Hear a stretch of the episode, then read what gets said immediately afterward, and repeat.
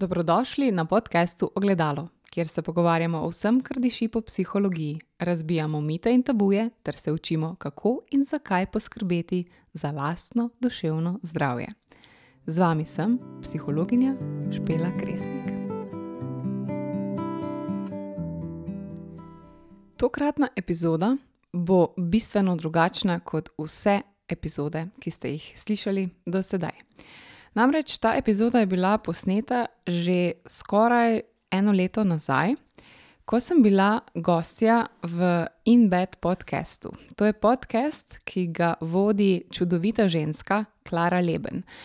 Če še slučajno niste slišali za ta podcast oziroma poslušali kakšne njene epizode, vam res, res toplo priporočam, kajti um, dotika se zelo, zelo pomembnih tem.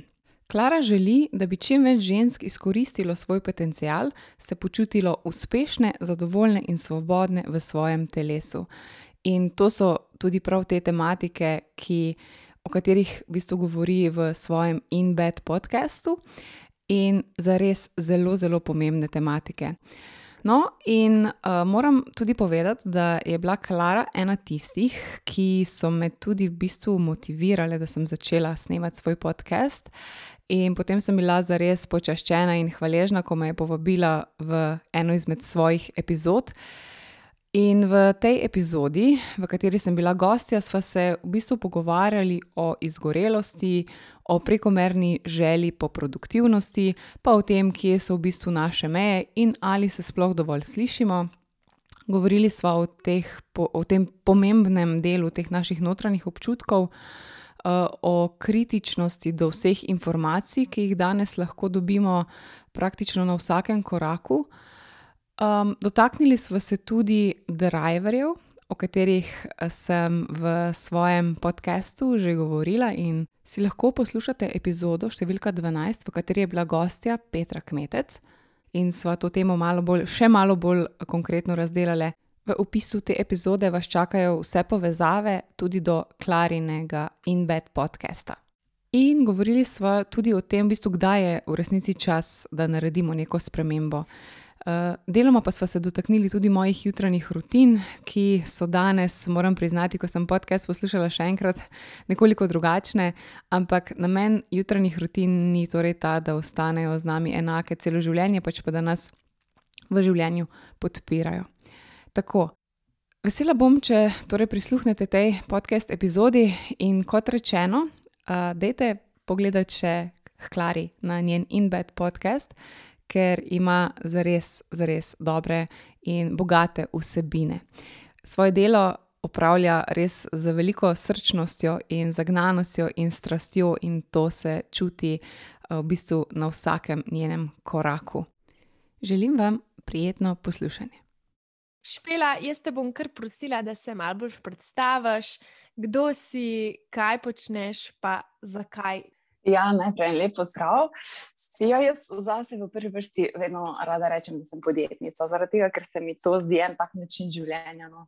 Uh, torej, v prvi vrsti jaz sem podjetnica, potem v drugi vrsti pa sem psihologinja, uh, na koncu pa sem vedno samo človek, krval pod kožo iz mesa in krvi. Torej, uh, tako da, ja, to je v osnovi tono. Um, pre, Precejšnji del življenja um, mi, mi vzame to podjetništvo. Uh, drugače, no, to moram še povedati. Pa uh, sem nekaj ur na teden tudi šolska psihologinja, oziroma delam v šolski svetovalni službi. To je pa še en moj delček, tako ful sem razdeljena, no? ful se mi dogaja v življenju, imam rada zelo aktiven življenjski stil.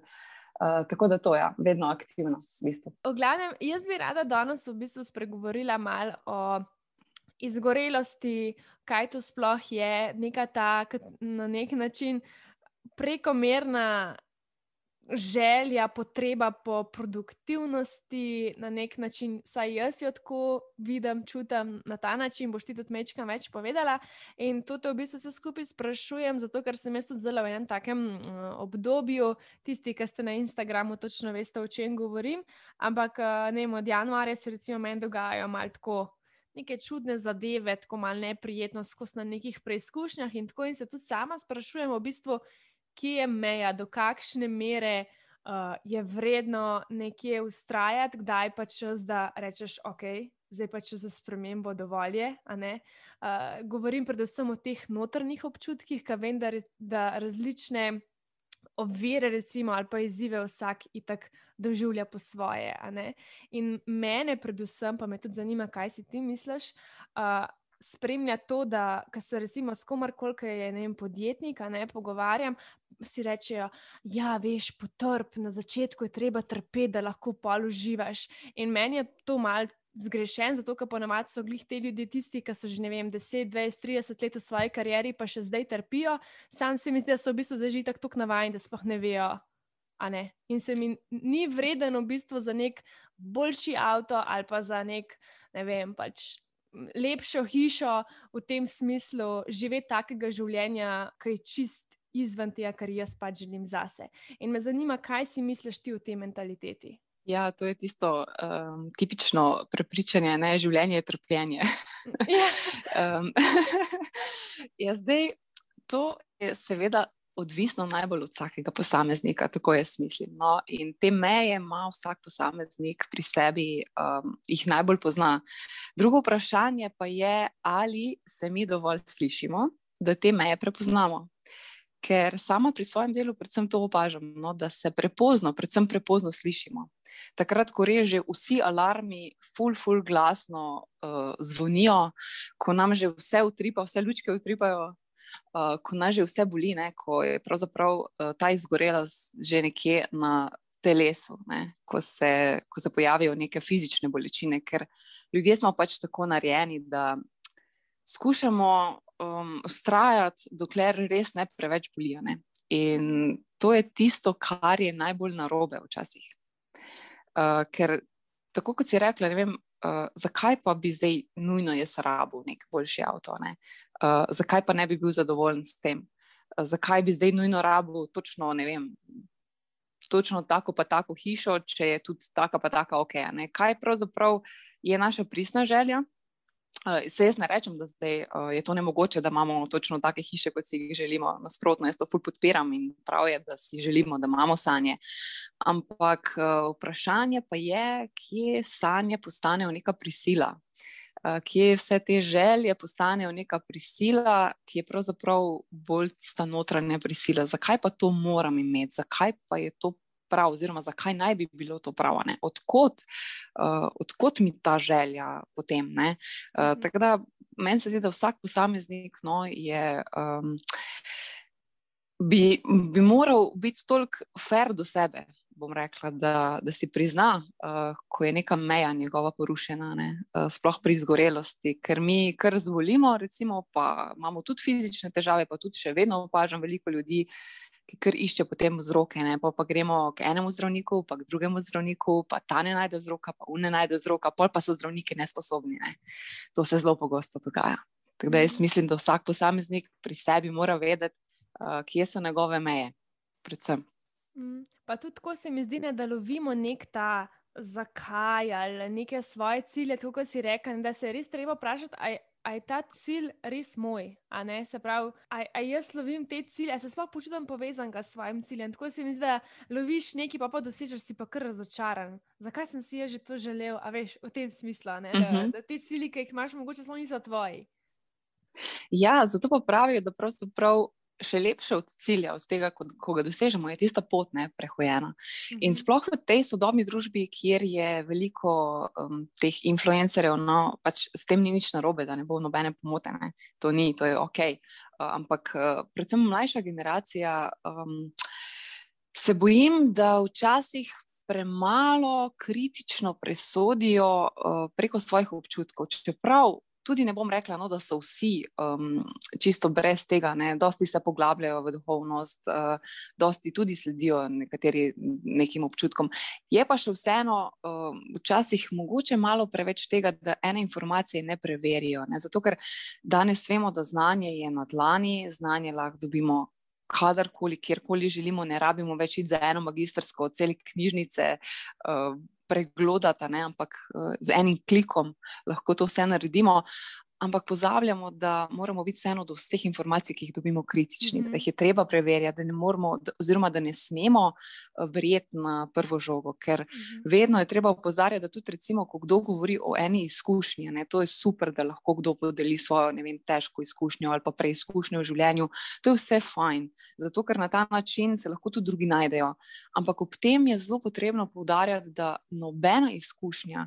Eh, Recimo, moja izkušnja eh, neka v življenju ne more biti enaka tvoji izkušnji, če eh, recimo imaš podobno. Ne, se mi dve smo obe podjetnici, ampak še zdaleč nimamo iste izkušnje se pa lahko zato mogoče bolj razumeva, pa bolj začutiva v enih segmentih, ker točno mogoče veva, kako se ob tem počutiš, ne, ko, ko pride neka ovira, kako zdaj ti pade vse dol, pa kako se moraš zopet dvigniti, ne, v, v tem smislu mogoče. Mhm. Jaz bi se rada dotaknila tole, kar si prej rekla, se pravi v tem svetu uh, influencerjev, pa se pravi temu svetu družbenih omrežij, pa kako vplivajo v bistvu na tistega, ki gleda to cele dneve. In jaz sem zadnjič, ne mislim, da je bil podcast o tem, kako okolje naše, se pravi in fizično, in ljudje, s katerimi smo obdani, vpliva na nas. In tega, en del tega okolja, ki je v bistvu full velik, pa se nas veliko ne zaveda, je tudi ne, naša družbena omrežja, pa koga tam gledamo in kaj spremljamo, katere informacije. In tudi jaz sama, če sam se to ne rabiš biti prav nek znanstvenik, ne da ugotoviš, lahko hitro vidiš, kako določene objave, določeni ljud- ljudje vplivajo na tvoje počutje.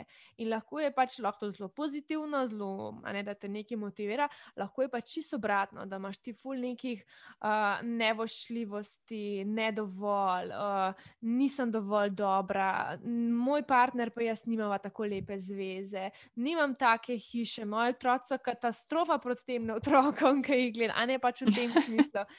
In uh, bi rada mogoče tudi ne iz tvojega strokovnega stališča, pa mogoče izkušen, kako opažaš, da ta družbena omrežja, pa še posebej to, kar si omenila, kaj si misliš s tem, da influencerji vplivajo na nas kot posameznike. Ja, okay, to je zdaj ful kompleksno vprašanje, bom Nič upam, da si bom cele, dojameš, celega ja, zapomnila. kakor- Ja, Okej. vem, ne, malo zakompliciram, lahko Ne, je super, super je, sem, da bom na vse odgovorila. Okay. Uh, ja, prva stvar. Um, zdaj, jaz ne govorim v, v okviru tega, da bi to bilo karkoli narobe s tem. Pač vedno je pa treba um, kritično pristopiti k stvarem, pa ne verjetno prvo žogo. Ne? Dejstvo je, da mediji kot taki. Pa vse te stvari, ki jih mi spremljamo dnevno na teh družbenih omrežjih, vplivajo na nas. In kaj mi počnemo, je to, da smo začeli um, čist nezavedno scrollati po teh naših napravah, ne po Facebooku, po Instagramu. Um, in oboje, tako Instagram kot Facebook, pa tudi ostala družbena omrežja, niso slaba. To ni nekaj, kar bi zdaj moglo uh, prenehati obstajati. Ne? To je prineslo veliko dobrega v naše življenje. Um, in vedno se moramo zavedati, da mi, kot upravljalci uh, svojih profilov in tega, lahko um, vedno se sami odločimo, koga bomo sledili, koga bomo brali, katere uh, objave bomo gledali, katerim objavam bomo sploh dali prostor, da so na našem feedu oziroma zidu. Ne? In uh, vedno imamo tisti gumbek, ki omogoča, da odsledi ne, ali pa unfollow, ali pa da tega ne spremljamo. Tako da mi se moramo zavedati, da vse te občutke, ki si jih omenila, ne, da mi lahko doživljamo ob tem, ko opazujemo druge ljudi. Um, Mi smo odgovorni za njih v končni fazi. Mi imamo vedno možnost in priložnost, da rečemo temu stop, da temu ne dovolimo, da damo sami sebi mejo. Ne? Ker zdaj, če smo iskreni, um, ne ti, ne jaz, se ne greva zdaj fotkat um, takrat, ko zgledamo ful slabo. Ali pa, uh, ko ne vem, smo res uh, čisto biokani, ali pa ko smo full v bedu nekem. Ne? Uh, to so trenutki, ki pač so nam zelo intimni in uh, ne vem, redko kdo kak tak trenutek podeli. ne. Čeprav uh, poudarjamo, pa tudi sama večkrat v svojih storjih na Instagramu tudi priznam, uh, kako stvar, ne, da tudi uh, v končni fazi jaz sem človek, ki čuti in ki ima normalno življenje, prav tako kot vsi ostali, z vsemi križi in težavami. Um, ampak uh, premalo se zavedamo, da mi prikazujemo vedno tisto, kar je lepo. Zato, ker logično, to je tudi gledano, ne? to je tudi potem lajkano. Vse tudi tiste slabe stvari um, se ful hitro um, v bistvu pograbijo ljudje, ne? pa te trače, pa te, vse vemo, kako, kakšni so naslovi ne? na raznih teh eh, spletnih straneh. Ko potem, ko klikneš članek, prav ne moreš verjeti, uh, kaj kaj konkretno so želeli s tem. Um, ampak vedno se moramo zavedati, da smo sami odgovorni za to, kaj spremljamo. Pa še ena stvar je, ne, ko mi uh, neko objavo opazimo in ko v nas vzbudi neke neprijetne občutke. Uh, predvsem zdaj govorimo o neprijetnih občutkih, zato ker pač, če so prijetni, je to itak ok.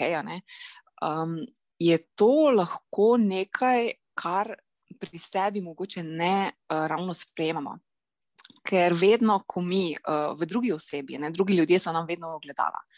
In ko mi v drugi osebi najdemo neko lasnost, ki nas zmoti pri njej, zdaj to uh, je včasih zelo težko sprejeti in razumeti. In tudi sama priznam, da sem to prvič, ko sem to slišala, se nikakor nisem strinjala s tem in sem bila zelo eh, agresivno nastrojena no, na to misel, ampak potem z leti pač ugotoviš ene stvari in malo odrasteš, pa to uh, sprejmeš.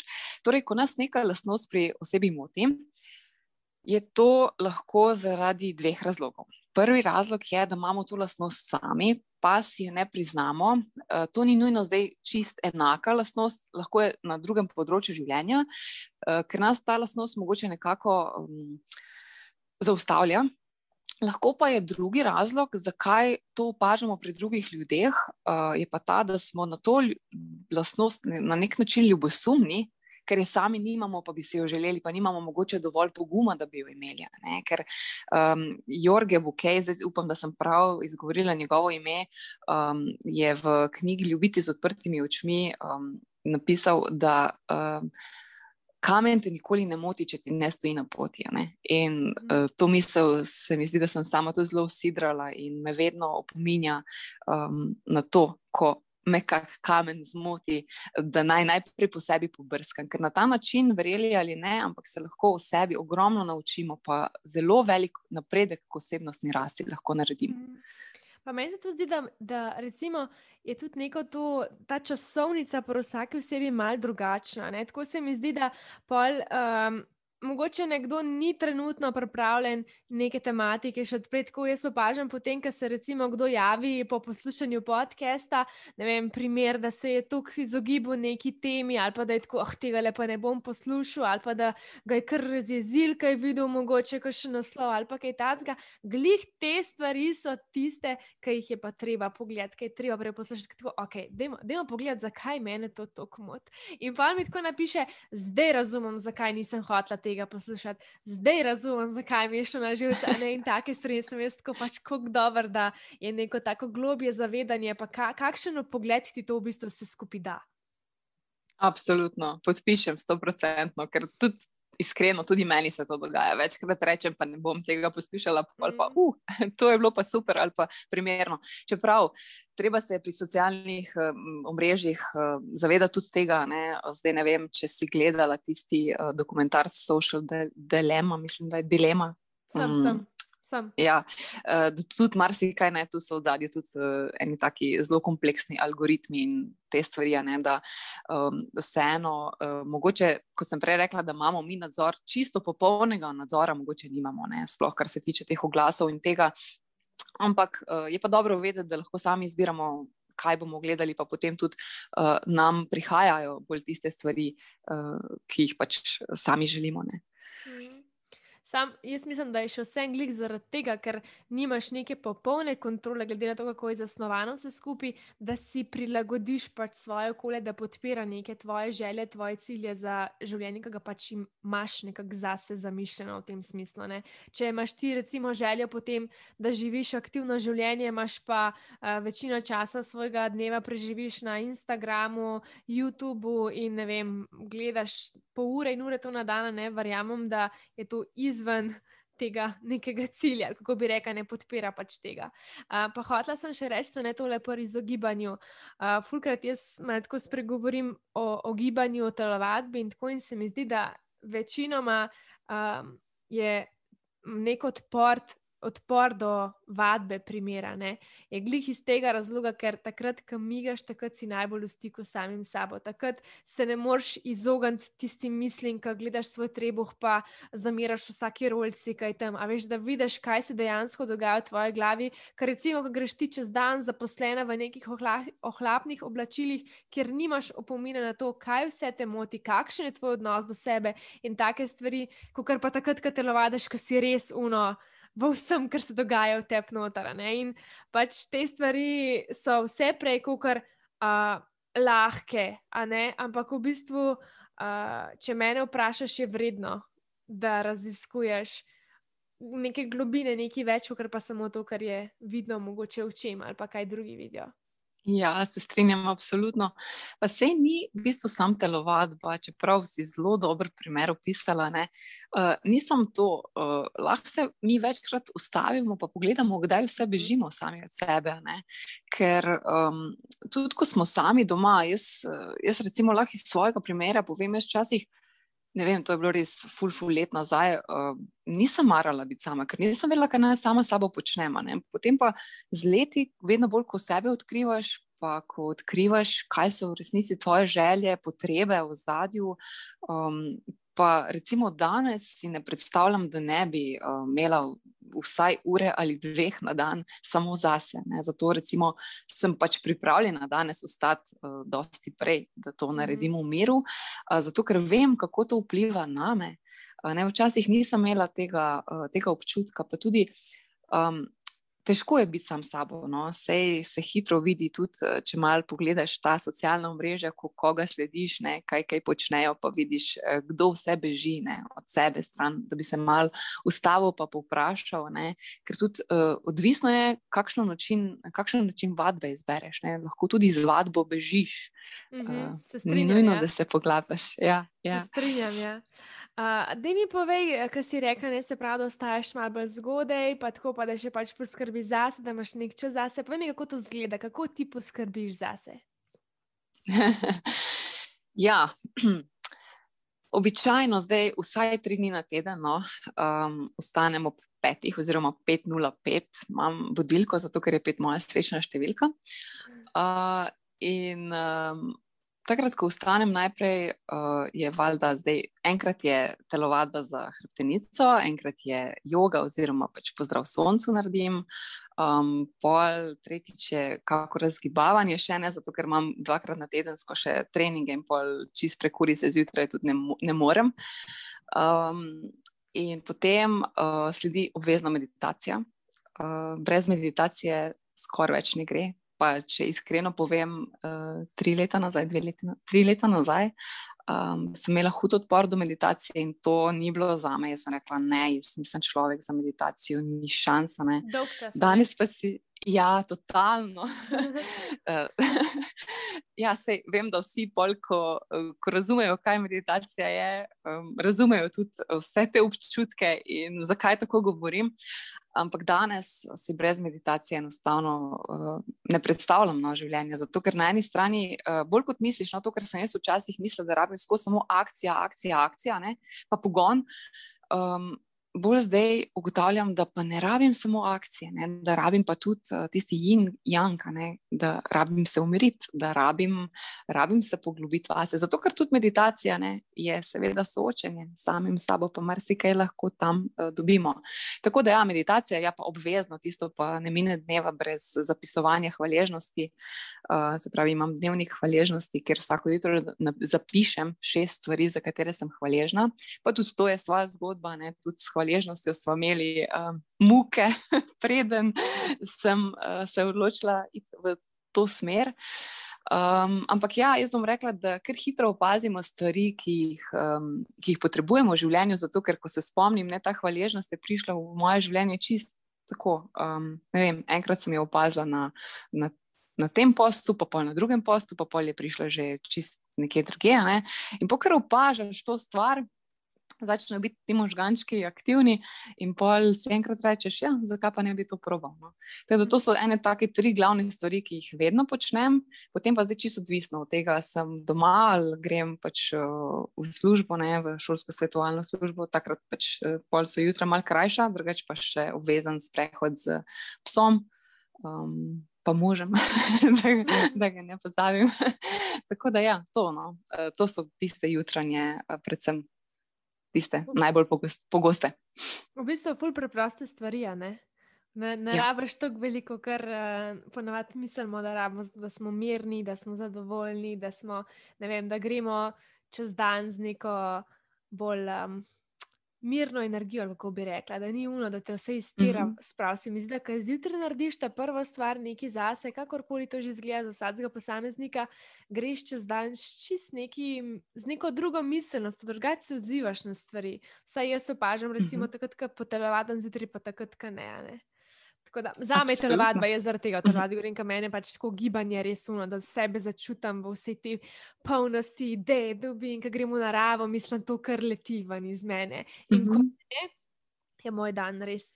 Ne, ne iz tega razloga, da nisem potelovadila, zdaj bo pa moj dan propadel, ampak dejansko je počutje drugačno. Uh. -huh. Ja, pa se, veš, da, zdaj, ko poslušalke ali poslušalci, ki naj bojo poslušali, da ne bo zdaj kdo mislil, ne, da uh, zdaj pa to deluje za vsakega, kar počnejo yeah. Ja, mi dve. Yeah. Ja. Uh, daleč od tega, ne, treba je najti stvari, ki ti pašejo. Se ni nujno, da ena vrsta telovadbe, recimo, ustreza meni in tebi enako. Pomembno je, predvsem, da se slišimo. Zopet bom to poudarila. Zato, da pač vse ideje za jutranje rutine je milijon, vse lahko delamo marsikaj, pa mogoče se tudi sliši, da jaz porabim zjutraj ne vem, tri ure. Ne, ne ostajam tri ure prej, da grem v službo. Ampak um, to mi vzame lahko eno uro, lahko pa pol ure, ne? ker to se vse da prilagajati. Tudi meditacije ne rabijo biti uh, eno urne, lahko so pet minut, pa če so tiste efektivne, so tiste dosti boljše, kot pa če jih sploh ni. To je to. Ne? Ta konsistenca je v bistvu tista, ki, te, ki ti naredi veliko razliko na dolgi rok. Se mi zdi, da si zastavimo neke take cilje, ponavadi, ki smo najprej ful motivirani, zdaj bom pa vse spremenil, hrano, meditacijo, telovadbo, vse ena, ena ura, delaš to dva dni, en teden, pa si čistko, jo tole pa ne bo šlo. Ja. Seveda ne, ne. ne. Treba res malo pa pomal pa paziti, kako se počutiš zraven, ko delaš neke stvari. Res, to je nekaj, kar se mi zdi, da je ključno. Pač mogoče, ne vem, probaš motivacijo, eh, ne motivacijo, meditacijo, si narediš nek ne vem, izziv, mogoče za nekaj časa, da vidiš, kako se počutiš, mogoče pa ni tvoj čas, da, le, da si pripravljen za kaj takega. Probaš nekaj drugega, ne vem, skozi sprehod, pa je to neka vrsta meditacije tudi lahko. Ne? Se pravi, jaz bolj motivacijo dojemam, ne mojo, kaj, zakaj, kaj z mano zelo narobe, skozi motivacijo govorim. jaz, v bistvu meditacijo dojemam tako, kot nek način, da prisluhneš sebi. Zdaj pa to lahko skozi različne stvari, različno zgleda v različnih obdobjih življenja, verjetno. In uh, mogoče kdo ni pripravljen zelo še sedeti pri miru, lahko pa začne, ne vem, pač kakorkoli že, da sebe, sebe malo bolj prisluhne. Ja, pa tudi se mi zdi to zelo pomembno poudariti. Ne? Jaz sem rekla, da ostajamo 5:05. Zdaj, seveda, če kdaj recimo uh, ne zmorem ustati, se ne silim več. Včasih sem se, pa sem potem ugotovila, da je to lahko kontraproduktivno. Ampak jaz sebe danes že toliko poznam, da vem, kdaj začnem prokrastinirati, pa, pa odlašati, pa da neham to delati. In takrat si pol postavim mejo, ne, da potem se pa je treba malo poriniti. Zdaj pa ni pa zdaj kaj hudega, če kdaj, ne vem, ne naredimo tistih jutranjih rutin, ne, ne bo se svet podaril. Se mi zdi, da včasih, ko govorimo o teh jutranjih rutinah, ker potem vsak misli, ja, zdaj pa če en dan ne bom, ne, spet pridemo na tisti perfekcionizem, pa, pa je vse narobe, pa pa kar neham. Ne. Pa, pa ker ne bomo več tega delali, ker nisem, nisem zdaj dober, da en dan nisem naredil. Tako da pač bodimo prijazni do sebe, predvsem to, to je pomembno. Pa da je nekaj, kar lahko vzdržuješ, ne? da je realistično zate, se mi zdi. Pa tudi tako se mi zdi, zelo tole, kar si rekla, da vse pustiš in da zelo pa če nisem, isto je ponavadi s hrano, zdaj pa, ker sem pojedla čokolado, zdaj bom pa kar celo pojedla. To je ponavadi v tudi nekih. Um, v nekem okolju, v nekem počutju, pač uh, na nek način, da ti nisi našel svojega pravega užitka, da ti ni uno, o, rad se vračam, sem, ampak da ti še vseeno v neki meri muka, se mi zdi. Ker če ti ni muka, pa če se rad vračaš, če ti je, rad, če ti je pač nekaj, v čemer uživaš, ti ni tako, oh, zale moram pa ne vem potelovaditi ali pa si zajtrk narediti ali pa nekaj pač kakorkoli že. -hmm. Itak nisi vsak dan uno, vesel, motiviran, sam uh, v splošnem se mi pa zdi, da bi to moglo biti nekaj, kar je tako čisto avtomatsko, nekaj, kar je pač del tvojega življenja. Ja, tako kot postane. Oprosti. Uh, tako kot postane kava, recimo, marsikdo ima za jutranjo rutino kavo, ne, in uh, mu potem čez leta postane to čisto nekaj normalnega. Ne, na ta način morajo biti tudi jutranje rutine, pa predvsem uh, še enkrat poslušati se. Ja. Poslušati se. Kaj nam pa še? Kaj si rekla, poslušati se. Prej, ko smo začeli v bistvu z izgorelostjo, pa z, nekom, z nekim tem pretiravanjem, se mi zdi, da je to glih takrat, ko sebe sploh ne poslušaš in uh, se siliš k nečemu. Meni se zdi, da je pri meni to najbolj neka neočakanost, da bi jaz to čim prej dosegla neke stvari. Pa to, ser jaz nisem, um, kot si rekla, se mi zdi, da to ni neki tazo, ki se ti zavedaš vmes, da imaš toliko enega pritiska na sebe. A se to že vmes toliko na nek način, da si ti v noči zele, pa ne morem več, ali se to kar naenkrat pojavi, da si dejansko fizično. Um, kako, mogoče povej to, kako dejansko izgorelo sploh zgleda. Ja, v, obli, v različnih oblikah imamo izgorelost, ne? pa tudi različne stopnje. Zdaj, uh, če pridemo do tiste končne oblike, no, končne oblike adrenalne izgorelosti, takrat smo verjetno že v bolnišnici, ne? pa to potem res zahteva neko dolgotrajno, res dolgotrajno zdravljenje.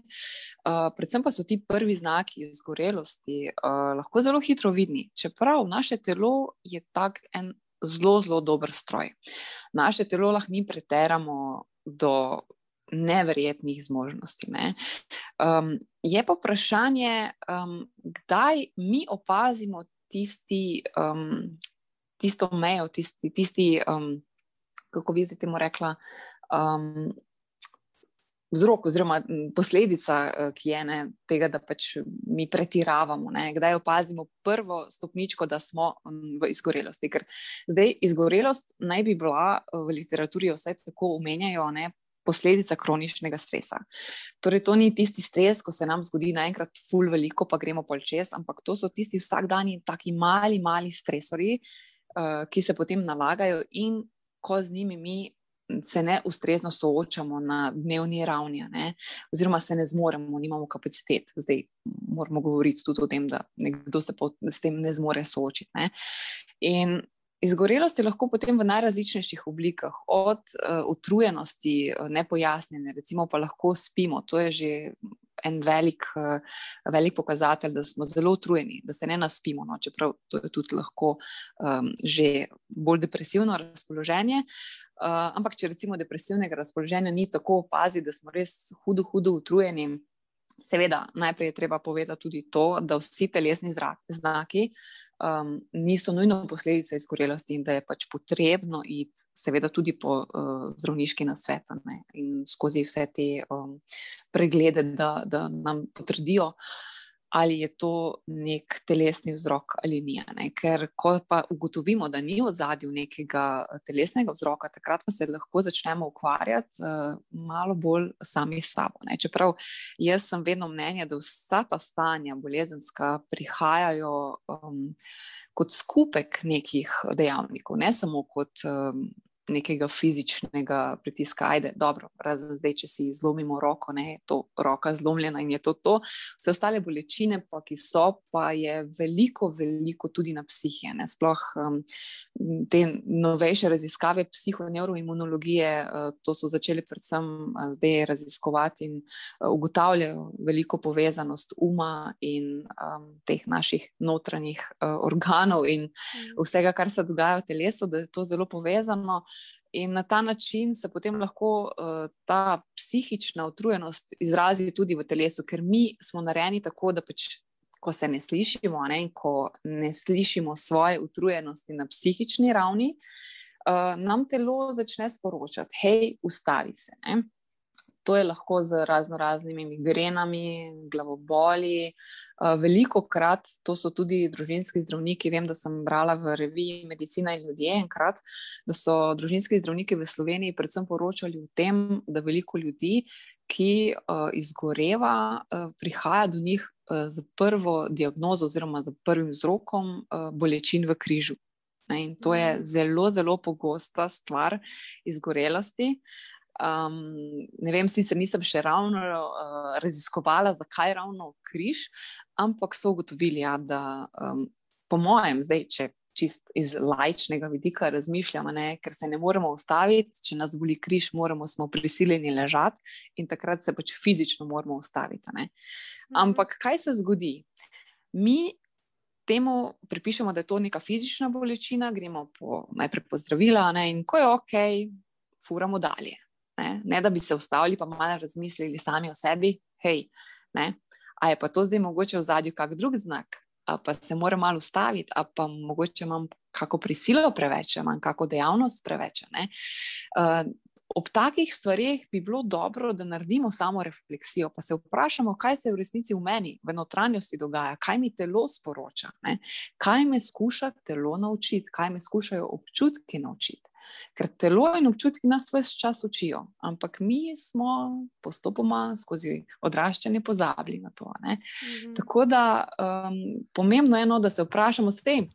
Če mi ugotovimo, da ni nič takega, kar bi uh, lahko res bilo povezano z psiho, potem je ok. Ne? Ampak veliko ljudi to počne, da ko je um, potem bolečina mimo, pozabi na to in zopet fura naprej, isti cikl uh, in se isto haklamo, vedno pač vedno, vsak nov krok, ko naredimo, je ista, ista stvar, pride ven. Ne.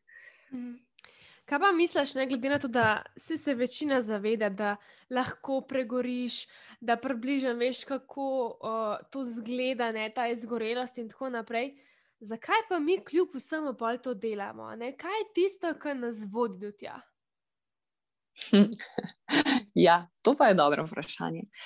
Uh, Uh, veliko stvari je lahko, um, jaz pa sama um, najbolj ugotavljam, no, da um, so veliko krat ti naši notranji driverji, kot jih imenujemo, uh, tisti um, najpogostejši vzrok. Uh, čeprav, seveda, seveda so še drugi uh, vzroki. Zato, ker če pogledamo perfekcionizem, perfekcionizem je iz različnih dimenzij, pa ne bomo se danes v to poglabljali, ker pa lahko posebej podcast sam za to posnameva. Um, ampak najbolj je pa tista neka notranja prisila. Ne? Uh, ker mi že uh, poznamo znake in simptome izgorelosti, recimo, vemo, da smo bolj depresivno razpoloženi, jokavi, labilni, ne razmišljamo več tako pozitivno, pademo v nek brezup, uh, telo sem že omenila, ne, kako se to kaže na telesu, uh, vedemo se lahko celo bolj hiperaktivno, ne, ker nekako imamo občutek, da nam kar zmanjkuje časa. Um, zelo ratamo tako impulzivni in zelo težko obvladujemo čustva, pa tudi uh, zelo pogosto pri izgorelosti potem na koncu izgubimo vnemo za delo, nam se več ne da, ne? neko brezmiselnost vidimo. Um, kaj pa zdaj pripelje do tega, je pa lahko to, um, da si mi niti ne dovolimo počivati. Ne? Ker sploh perfekcionisti, zdaj, če, če se um, osredotočiva na ta del, zato ker pač tudi perfekcionisti so ali smo, bom kar sebe dala v ta koš. Uh, bolj nagnjeni k izgorelosti, zato ker nimamo prioritet ker nam je vse pomembno. In si ne znamo pravzaprav reči, okay, kaj je bolj pomembno od tega, in hočemo pa narediti vse. Ampak, ker vemo, da ima dan samo 24 ur, od tega precej časa spimo, potem uh, hitro ugotovimo, da ne bomo zmogli vsega. In to je potem vedno tista naša notranja prisila, ne, ko mi potrebujemo počitek, pa se usedemo recimo na kavč, da bi se malo odpočili ali pa ne vem kakorkoli se pač že počiva, vsak posameznik, pa potem nas začne glodati ta globi občutek krivde. O, šit, jaz pa zdaj ne bi smela sedeti, ker moram, jaz moram delati, jaz moram to narediti. Ker kaj se bo v resnici zgodilo, če tega ne bom naredila? Ne? Tega se pa ne vprašam. Ker slepo sledimo nekim notranjim vzgibom, pa občutkom, neki prisilni motivaciji. In tej besedici moram. In ko mi opazimo, da za to besedico moram, eh, recimo, moram zdaj to dokončati. Ni nekega tehnega razloga, zakaj v resnici jaz moram to dokončati. Ne. To je recimo en primer. Če moram dokončati neko nalogo, ali pa moram se učiti, zato ker jutri pišem test, to ni driver. Ne. To je pač dejstvo. Moramo se učiti, če hočemo, da bomo uspešni na testu ali pa izpitu. Um, če pa imamo mi neke, ne vem, uh, driverje v smislu, moram pomiti posodo takoj, ko se najem, ne smem si odpočiti. Ne? Ker, zakaj moraš? Zato, da ne vem, ker bo posoda dobila noge, pa bo pobegala. Recimo, um, to je pa lahko tisti driver, uh, pa tista naša prisila. Ko se res ne zmoremo vsesti in si rečemo, ok, se je ne rabim pomiti, pa se pa malo usedemo še, pa že ne moramo sedeti več, ne? pa smo že, uh, pa nas že malo grize, to je tak en občutek uh, nelagodja ful neprijeten občutek je to, občutek krivde, ker sedimo, ne, tam pa je posoda, pa nas čaka, ne pomita. A si predstavljaš to, Klara? Mislim, noro, ne, ne more biti posoda ne pomita. Problemov nimam, ne, ne, ne more biti super. No, super, fajn, vse po eni strani je to v redu. No, Sedaj ne bom rekla, perfekcionizem ni vedno negativen. Nobena osebnostna lastnost, mi v psihologiji nikoli ne govorimo o tem, da je karkoli negativno ali pa pozitivno. Mi lahko vedno samo delamo na tem, da, da dobimo čim večji izkoristek neke lastnosti in da nas to ne priganja, da to ne gre v patologijo. Ne? Ker patologija nastane takrat, ko mi se tako silimo, um, pa pravzaprav nikoli ne moremo doseči teh naših standardov, ki jih imamo. Ne?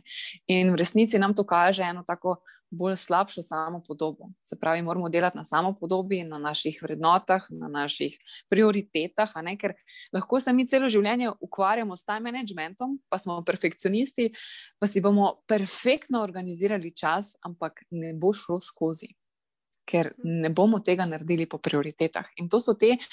Uh, prisilne motivacije, m, pet jih obstaja, tako zdaj, v, sicer v transakcijski analizi, tako govorijo. No, um, To je ena stvar, eh, s katero se jaz eh, bolj poglobljeno ukvarjam. Um, naj bi bilo teh pet driverjev, ne, ki nas um, najbolj vodijo v življenju, in vsi jih imamo, ampak eden je tisti, po katerem naj bi bolj primarno delovali. Ne. To pa recimo tudi, če se kdo najde v tem work hard, try hard, ne, potrudi se, nikoli dovolj dober, ne, potem bi strong, vedno moram biti močen, ne smem kazati čustev. Ne. Te stvari, potem bi perfekt, je tak um, zelo slovenski, bom rekla, ker veliko, veliko ljudi srečujem tudi v zasebni praksi, ki imajo največje težave ravno na področju perfekcionizma ne? ker pač stanovanje, hiša mora biti urejena. Ni pa važno, kako je urejena moja notranjost, kako so moji občutki, kako sem zadovoljna sama s sabo, pa kako so, vem, kako so odnosi znotraj družine. Ne? Ampak važno pa je, da je hiša tipi topi. Potem, uh, please me, please uh, you, to je recimo, da skozi ugajamo drugim, ne? da ne znamo reči ne. O tem je tudi zelo široka tematika, potem pa tudi ta hrjapne, pohiti. Vedno imamo tisti občutek, da moramo pohiteti, ker se nam mudi, uh, ker kaj se bo zgodilo, če bomo bolj počasni. Uh, tako da, ja, uh, po vseh teh stvareh delujemo in se mi zdi, da ravno ta uh, be perfect. Ta notranji perfekcionist nas uh, največkrat priganja, to so notranji priganjavci, uh, in v resnici smo na ta način zelo neučinkoviti, ne? ker se ne odpočijemo. In vse verjetno tudi ti sama veš, da utrujen človek m, zelo težko dela, tako kot pravijo, prazna vreča ne stoji po konci. Ne? Tu mislim, da lahko ti tudi zelo dobre usporednice uh, mm -hmm. potegneš in še kaj dodaš. Mm -hmm. Ja, in tako. Se to ne bi lahko po maju govorila tako še eno uro, vsaj samo o teh stvareh. In uh, v bistvu, zdaj, ki si govorila, sem bila kar malce pomirjena. Mislim, jaz nikoli do zdaj nisem imela občutka, da bi bila na robu pregorelosti ali karkoli. Zato, ker ne vem, opažam tudi ne, bolj v tem smislu, kakšna muka ti je delati. Če te, recimo jaz, ki se lotam kakšne stvari, Jaz zdaj ne morem zaspati iz razloga, da sem tako excited, da imam toliko idej, da, da, da, da, da nisem niti utrujena. Jaz lahko cel dan delam, nekaj razvijam in kar naenkrat mine čas in jo, kaj mi je pa zdaj to vse šlo, a veš, bolj v tem smislu. Um, po drugi strani pa recimo opažam tudi, kje stvari so pa tiste, zdaj pa zadnje čase, ki me pa ful bremenijo in v bistvu vzamejo um, mi toliko ene energije, volje in zagona, da v bistvu nimam pol sploh teh idej in kreativnosti, ki se mi zdi pa, da so glih to, kar jaz sem. Razumeš? Da v bistvu uh mhm. -huh. je toliko enih zadev v mojem vsakdanu, ki zatirajo to, kar jaz vidim kot največji užitek, kot mogoče tudi nek moj potencial, kaj hočem dati v svetu. Ne? In tukaj uh -huh. na tej točki se pa jaz vprašam, pol, a je vreden, da, živ, da v bistvu veliko večino mojega dneva, mojega življenja, zelo zadnje pol leta, v bistvu zajema neka uh, situacija, non-stop neki, ki mi v bistvu. Uh, oduzema voljo do tega, da bi jaz dejansko lahko ustvarjala, recimo, tako le podcaste, veš pa to ne. Uh -huh, uh -huh. do, do tega zelo, ki še en teden nazaj, da mi je bilo bedno podcaste snemati in tukaj se jaz pa, uh -huh. oh moj bog, Klara, do kam si prišla. A ne, ok, se imaš še en dan, ki si ti pač še dan, sem to je bilo čist neka druga situacija. Kaj vidiš, um, da. Živiš neko življenje, jaz, jaz ki se dejansko s tem ukvarjam, fulhiter to opazim pa še vse ne spremeniš takoj, kaj vidiš. A veš? Pa si človek, ki konstantno, recimo, jaz rada poskrbim zase, rada potelovadim, rada pišem dnevnik, rada ne vem, meditiram, suho krtač, ne vem, kaj tako ne vse v enem dnevu, ne? ampak tako rada si v dnevu vzamem, da si prisluhnem, ni me strah tega. Pa še vse, ki si v nekih takih situacijah, ne, ne moreš reči tako in ne in tako iti stran. A veš kaj, mislim, se recimo uh -huh, pri tem vleče uh -huh. že pol leta. In to je v bistvu normalno. Jaz bi temu samo preprosto rekla življenje, Klara. Ja, ja. Zato, ker uh, vsi smo krvavi pod kožo in nismo roboti, nikoli ne bomo. Vsi imamo občutke in uh, vmes, ko imamo kreativne ideje, bom rekla, ne, real life happens. Um, na eni strani lahko mi smo svobodnjaki, na drugi strani pa pridejo neke težave in izzivi, ki pač so del realnega življenja in pač nas morajo malo zaustaviti. Ne sej predstavljaj si, da bi lahko skozi sam, ne vem, uživali, se pa nam ne bi bilo v redu, ne? zato ker bi pač padli v cono obdobja. In pravzaprav nas to življenje, če želimo, um, večkrat meče iz cone obdobja. Ne? In na ta način rasteš. Zato, ker če ne bi se ti to dogajalo, pol bi se tvoja rast nehala in ne bi imela več izzivov, ne bi bilo več, oh, tudi, tudi dolgočasno bi ti postalo, da bi, lahko cel, dan, ja, da bi lahko cel dan samo uživala, pa kreirala ja. neke ideje, pa delala to, kar ti želiš. Ja. Tako da na ta način to ne, pač ne funkcionira, mi, mi rabimo to. Ne. Je pa seveda potem odločitev vsakega posameznika, kako bo na to odreagiral. Ali bo mhm. šel v vlogo žrtve, pa bo bogi bogi, ali bo pa rekel, tako, zdaj se pa jaz želim nekaj iz tega naučiti, pa zrasti. Zdaj moramo nekaj spremeniti. Ne? Tako, ja, spremembe, ko si pa prej omenila, zakaj, zakaj tega ne spremenimo. Mislim, da ti zelo dobro poznaš odgovor na ta vprašanja. Zato, ker, kolikor poslušam tvoje podcaste, uh, ful, dosti krat uh, tudi to omenjaš. Spremembe so zelo počasne in za spremembe si moramo vzeti čas. Jaz vedno rečem, da si ne moramo, ne, ko kdo recimo pride uh, k meni na psihološko svetovanje ali pa coaching. Jaz kar hitro povem, da takojšnjih sprememb ni. Ne.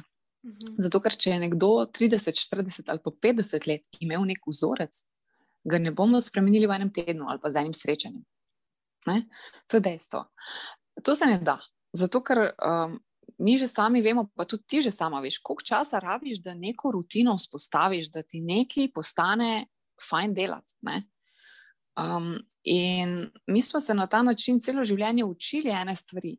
In zdaj, da se odučimo, rabimo kar precej poguma, prvo, kot drugo, moramo, oziroma prvi korak je itak, da to ozavestimo, ne? da pri sebi odkrijemo, kaj pravzaprav je tisto, kar moramo spremeniti, oziroma ne moramo, želimo spremeniti. Bom rekla. In potem sledijo pa koraki, postopoma odkrivati, zakaj je to v meni, odkot je to v meni, kje me zavira, kako čez to. Imamo tisoče in tisoče teh omejujočih prepričanj, ki nas vsakodnevno vlečejo na vzdolj. Če smo pripravljeni rast, pa sami sebe poslušati, um, potem veliko krat uh, se kar hitro spotaknemo ob kaj takega. In, uh, tu so priložnosti za spremembe, tu so priložnosti za tiste male korake.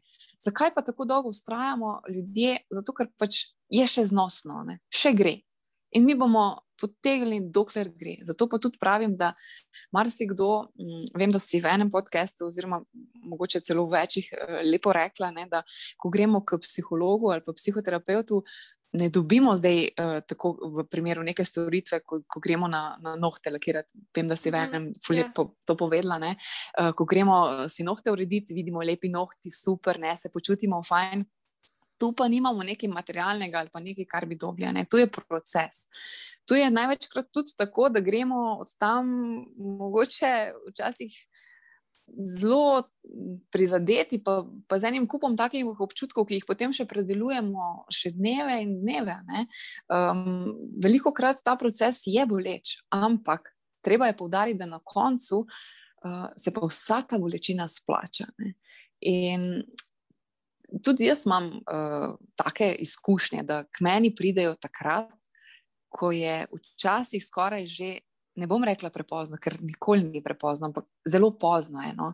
In mhm. sama tudi vedno, ko poudarjam, ne včasih, recimo, bi za neko stvar oseba rabila samo mogoče eno uro uh, nekega.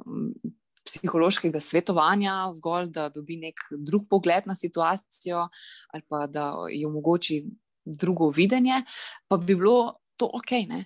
Ampak ker se to nalaga, nalaga, nalaga in ker imamo najprej ne, um, malo snežno kepo, pa če jo pokotalimo po hribu navzdol, dobimo lahko že na koncu velikega snežaka. Uh mhm. -huh. Ampak tisto malo snežno kepo mi še lahko stavimo, tiste ogromne kepe pa nas bo. Povozla, in na ta način, nažalost, mi tako delujemo. Ne. Redko kdo pride prej in reče: Zdaj bi pa jaz hm, tako malo dolg čas brskal po sebi. Se to je tisto, veš, kaj se bom zdaj spet ponovila, ampak pač te občutki nam vedno nekaj kažejo. Ne? To, kar si rekel, tudi telo nam skozi nekaj sporoča. Ves čas sam mi ga pač mogoče, ne vem, nismo še pripravljeni poslušati ali nismo pripravljeni na spremembo. Veš, tudi recimo, to je, eh, smo se pogovarjali v kakšnem tem podkastu o tem, zakaj uh, ženska pač se, se lahko tudi v obratnih vlogah dogaja, ampak recimo primer, da uh, moški tepe žensko. Zakaj ona kljub vsemu ustraja v tej zvezi? Ja, ker ni pripravljena še, da odide. Ni še očitno ta čas ali pa nekaj, da je ona pripravljena sprejeti, da je konec tega, pač ne vem, kakš. Kaj pa jaz vem, kaj se dogaja v tistem še zraven. Uh -huh. Mi vidimo samo, da Mhm. tepejo, ne vidimo pa še marsikaj, uh Mhm. -huh. kaj je zraven. In dejansko uh Mhm. -huh. tudi tlete lahko v službi, v narekovajih, nekaj tepe, pa ti nisi pripravljen še oditi, nisi pripravljen, da jaz ne morem več, ali pa čas je za spremembo. Ne. In res, Uh -huh. ko sem jaz naučakana, pa najraš mi že vse predočirišne, ne. uh, vem, da, da pač, ko je čas za spremembo, da začutiš in takrat narediš tisto odločitev, ki jo sam najbolj čutiš. Ne. Se strinjam, absolutno. In tu je tudi zelo na mestu, da poveva, ne, da uh, ko vidimo druge, tako kot si prej rekla, ne, da vidimo, da se nekomu nekaj dogaja, mi mu ne moremo pomagati, če on sam ne Okay. želi pomoči. Ne. Mm. To je bilo za me eno izmed najtežjih um, stvari za sprejeti v mojem poklicu. Ne? Zato, ker pač ja, jaz sem zdaj poklicno de- determinirana, pa mogoče tudi kdaj vidim še kaj več, kar povprečen posameznik. Uh, in me je to včasih res, ko sem že videla celo sliko, ko sem že marsikaj se mi je poklopilo, pa sem morala ostajati tiho. ne. Eh, In pač ja, vse se naučiš skozi izkušnje, da pač drugih ljudi ne moreš spremenjati, ne? tako kot pa si mi vedno želimo, ne? da bi pa zdaj spremenili partnerja, pa da bi to, pa to nam ne paše, pa uno nam paše. Vse premalo krat pa pozabimo, za katere stvari smo pa mi tem ljudem v resnici hvaležni. Mhm. Pa da ti ljudje so nam spet lahko gledala in lahko preko tega zelo rastemo, če le želimo ne, in če se v to poglobimo. Um, ampak ja, tako kot si rekla, pripravljeni moramo biti na spremembo. In včasih pač ni pravi timing in moramo pustiti ljudem, da grejo svojo pot. In jaz vedno potem rečem, to je njegova pot. Ne. Ni moja naloga, moja naloga je, da poskrbim zase. Um, moja naloga je, da se jaz dobro počutim, da imam jaz dobre odnose. Uh, ni pa moja naloga, da uh, osrečim vem, um, svojega moža, tako kot ni njegova naloga, da osreči mene. Ne. Osrečimo Mhm. lahko sami sebe. Pa čeprav vem, da se bo zdaj to marsikomu zdelo zelo čudno, ampak um, spet ena tema, zelo široka. Ne, jaz, jaz točno razumem, kaj misliš. Zato, ker recimo, ne vem, se mi zdi, da velikrat, ko si slabe volje, pričakuješ lahko, joj, zakaj pa se zdaj ti ne ukvarjaš z mano, ali pa zakaj ne vem, me ti ne spraviš v dobro voljo. ne. Pač, to je en tak ogromen pritisk v bistvu na, na partnerja, če je on odgovoren za tvojo srečo. Ja, Bog Mhm. pomagi, pa kam bo to šlo. Mislim, ja, absolutno. Jaz verjamem, da se pač tudi tistim, ki se še tako trudimo, kdaj zgodi, da bi pač, ko joj, pa zakaj pa zelo nisi z mano, kam je hudo, joj, pa a ne pač ima recimo, ne vem, neke druge obveznosti. ne. Pač mislim, da se moramo naučiti um, poskrbeti zase, itak To ne pomeni, da ni lepo imeti nekoga zraven, ki ti je hodil, da te tudi on potolaži, da ti stoji ob strani in to, ampak še vsem si na pač prvem mestu, ti tisti, ki mm -hmm. mora nekaj narediti za svoje dobre počutje. Ne? Dobro počutje. Absolutno, se strinjam. In to je tudi recimo v partnerskih odnosih, ko, ko nas kaj moti. Uh, sploh, uh, če smo nekaj večkrat slišali, ja, kako so si različni, vse je normalno, pa se je prav, da ste si, ne? ker na ta način se učita eden od drugega. Ne? Ampak je pa drugo vprašanje, ali smo se pa pripravljeni učiti, ker če imamo mi nek driver notranji, recimo neke prisile, da nekaj moramo narediti, pa nam na drugi strani um, partner prigovarja, um, pa se zaradi tega recimo kregamo, ne, zakaj zdaj ti to moraš, ali pa da nam, nas pri partnerju recimo moti, ker pa on se pa lahko sprosti, pa si mislimo, gledaj, ne vem, spet leži na kavču na mestu, da bi nekaj naredil, ne, je potrebno mal se ustaviti pa pri sebi pomisliti, zakaj, a, ne, a, a sem zdaj ljubosumna, ker se ne morem tako sprostiti na kavču, ali, ne, kje so vse te stvari. To je, to je en tak tipičen primer, ne, ko si potem podajamo žogce. In jaz mhm. pravim, da vsak prepir. Uh, Bodi si v partnerstvu ali pa v nekem prijateljskem odnosu, uh, je velika priložnost za rast. Mi lahko veliko odkrijemo. Ne? Zakaj nas to moti? Aha, zato, uh, to bo na začetku zelo bolelo, ne, ta spoznanja, zato jih nočemo tudi. Ne. Mi moramo vedeti, Klara, da imamo uh, obrambne mehanizme, ki nas ščitijo, ne, da, mi, um, da se ne bi naša podoba po sebi, o sebi uh, sesula. In ti obrambni mehanizmi nam pravzaprav včasih tudi onemogočajo spremembo. Ne. Ker nas ne želijo, pas, da pademo v neko uh, stanje neudobja. Ne. Naši možgani pač vedno rečem, da nam skušajo pomagati, poskušajo nas ohranjati pri življenju, čeprav imamo večkrat te uh, izzive uh, z temi uh, mislimi, ne, negativnimi, pa s temi uh, overthinkingi, sploh ženske, ne, ko lahko o eni stvari govorimo s tisočimi prijateljicami, pa bomo še vedno govorili enako gorečno. Ne. Ampak ja, uh, vse to moramo gledati v, mislim, moramo. Je dobro, spet govorim, moramo, ne, tipično. um, je dobro, da gledamo v, v smeri, uh, kaj nam to vse prinaša, pa kaj je pozitivna lastnost tega. Ne. Ščiti nas. Mhm. Špila, meni bo tako fajn s tabo govoriti, res. Hvala, enako. Že za konec bi te prosila, če lahko mogoče poslušalkam nameniš kakšno svojo misel, kar koli ti pade na pamet, da bi jim rada sporočila.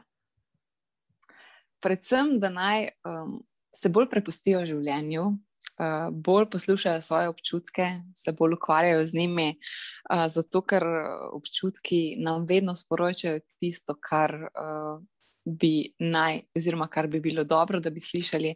Pa še enkrat bom ponovila tisto misel odprej, da uh, noben kamen nas ne moti, če nam ne stoji na poti.